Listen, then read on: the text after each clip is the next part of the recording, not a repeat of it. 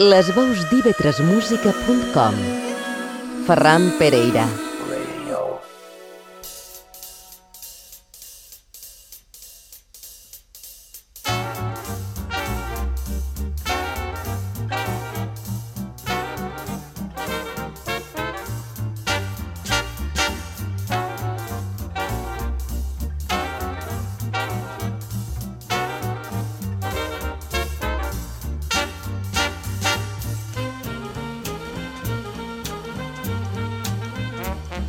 blues, calipsos, boogie-boogies, jazz clàssic i la inauguració del Parc de la Mar.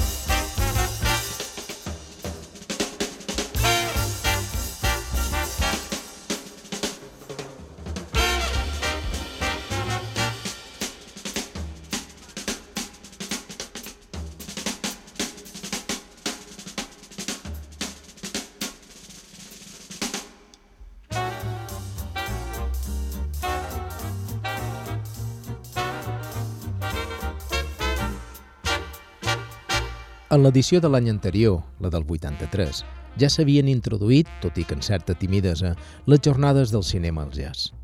En aquesta quarta edició es volia donar un major protagonisme, fet pel qual, dins de les nits monogràfiques que organitzava el desaparegut Multicines Chaplin, es presentaven dues llargues sessions en la que es projectarien poc més d'una desena de pel·lícules en format de 16 mil·límetres, la majoria documentals en els que intervindrien Ben Wester, Louis Armstrong, Billie Holiday, Count Basie i una llarguíssima de rellevants noms i protagonistes d'aquest gènere.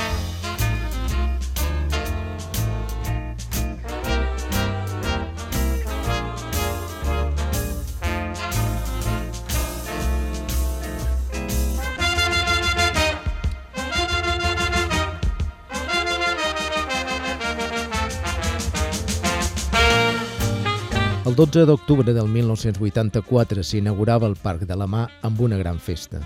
Es prepararen tres escenaris per a donar cabuda als grups que actuarien de forma simultània, destinant un d'ells, situat quasi a la part central, al jazz, com a activitat inclosa en el festival.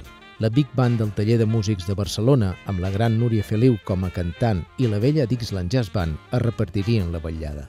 Una vegada inaugurat, aquest indret de ciutat passaria a formar part dels escenaris per al que transitaria aquesta quarta edició del festival en jornades de matí i tarda el quintet del pianista Lucky Guri, el trio de Carlos González, el grup Tentol, liderat per Toni Miranda, harmònica coixa, el Ibiza Jazz Quartet i el guitarrista i cantant de blues nat a Luciana però criat i format musicalment a Texas, d'on agafar el seu estil Johnny Copland, serien qui ocuparien aquests escenaris els diumenges 14, 21 i 28 d'octubre, atracant el jazz al ciutadà de peu.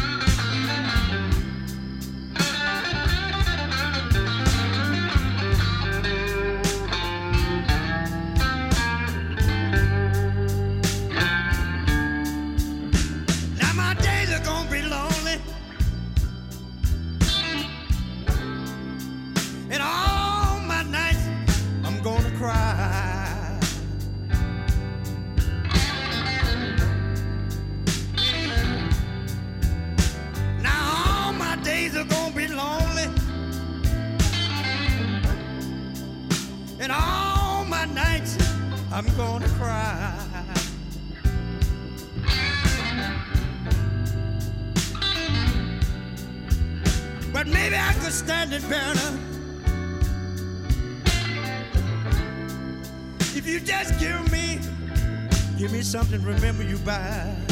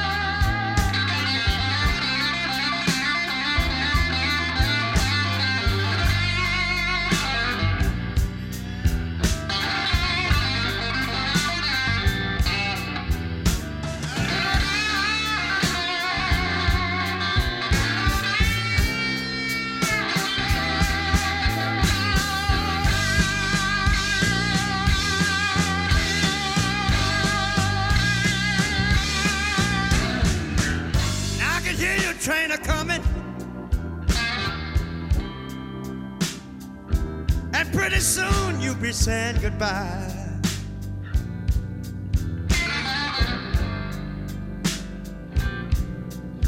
Now I your train a coming. And pretty soon you'll be saying goodbye.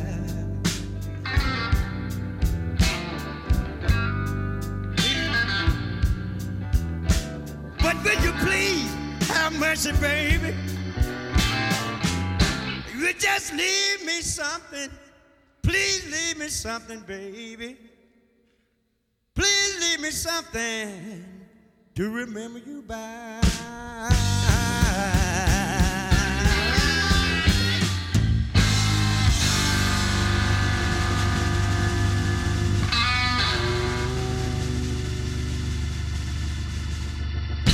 Fent memòria. En Ferran Pereira.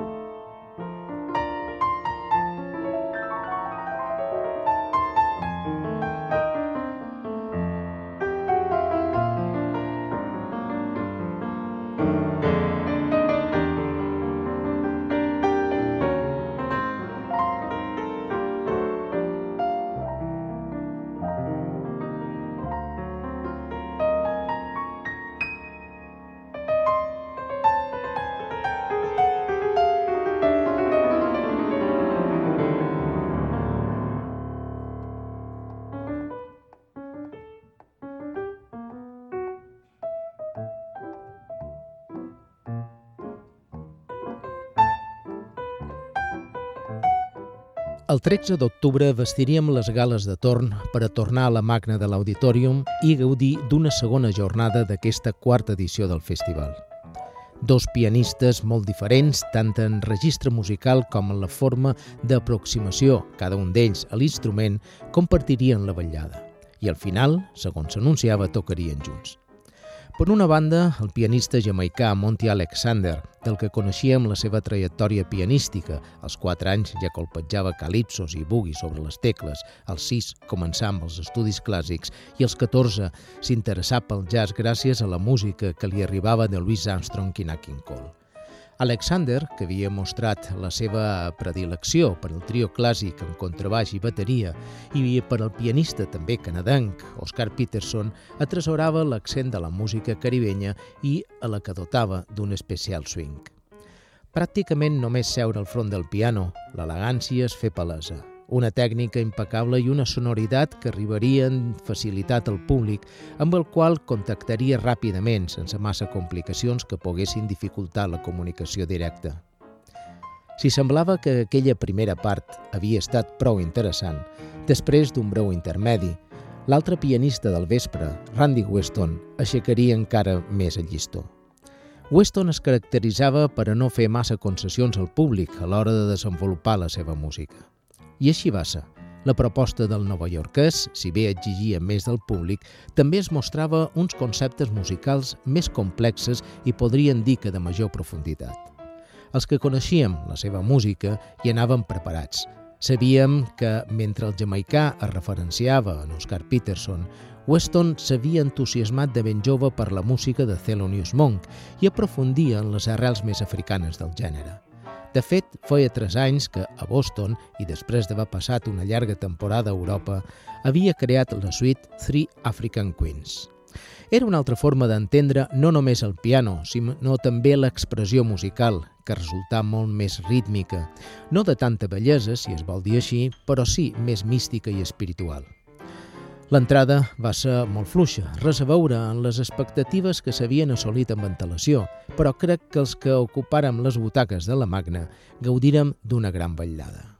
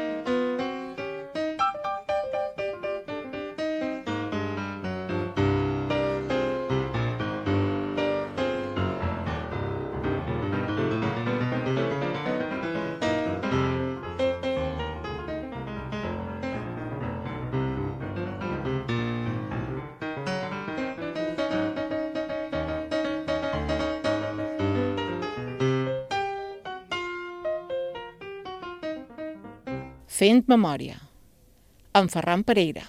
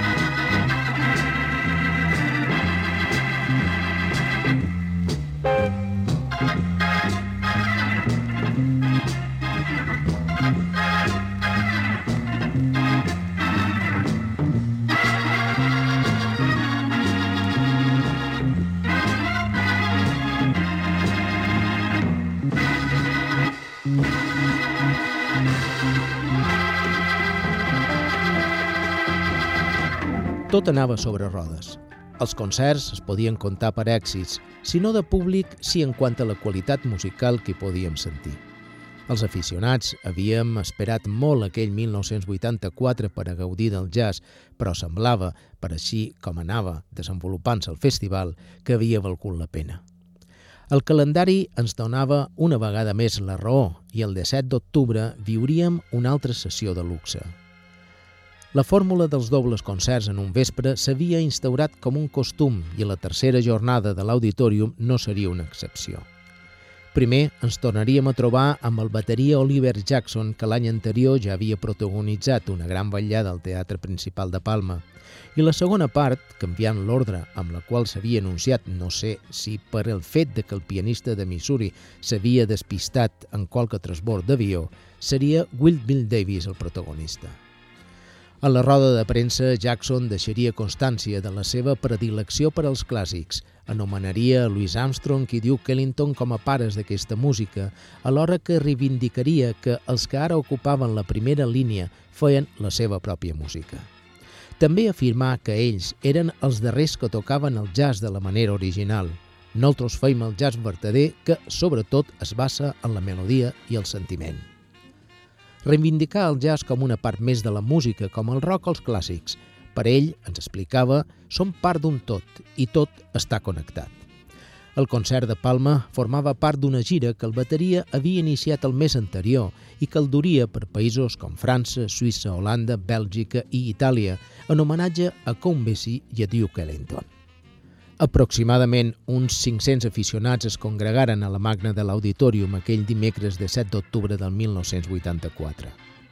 Acompanyat de l'experimentat saxofonista Norris Turney, que havia tocat amb Ray Charles, Duke Ellington, el Savoy Sultans i el Newport All Star, el trompetista de Carolina del Nord, Irving Stokes, el pianista de Detroit Club Black, que s'havia donat a conèixer amb Aretha Franklin i que ja atresorava certa reputació al costat de Stan Getz, Charlie Parker, Wes Montgomery o Sonny Stitt, i Ali Jackson, el seu germà, el contrabaix, va fer un concert elegant, pràcticament per a tots els públics i, evidentment, de tall clàssic.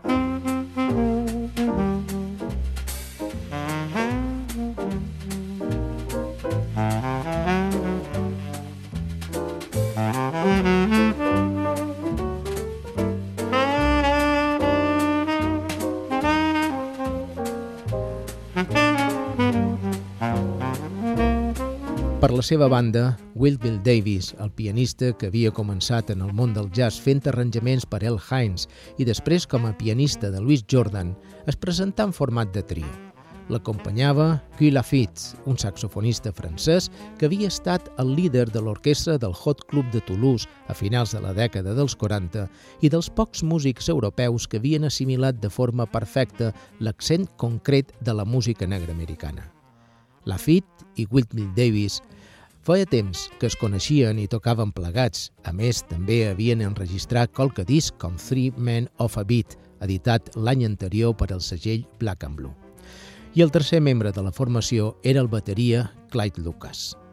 El concert es desenvolupà pels mateixos terrenys d'elegància amb la que havia començat el vespre – Guy Lafitte es mostrà més resolutiu que el propi Will Davis amb una mescla d'energia i de tendresa en les diverses interpretacions. Per la seva banda, Clyde Lucas, sense sortir de l'ortodòxia més enllà que tocar una bateria sense bombo, presentà un discurs més imaginatiu del que havíem sentit minuts abans amb Jackson.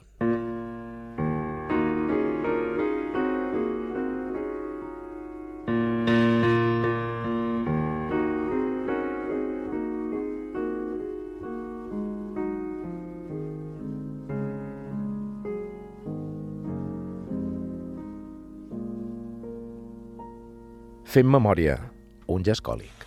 Mm -hmm.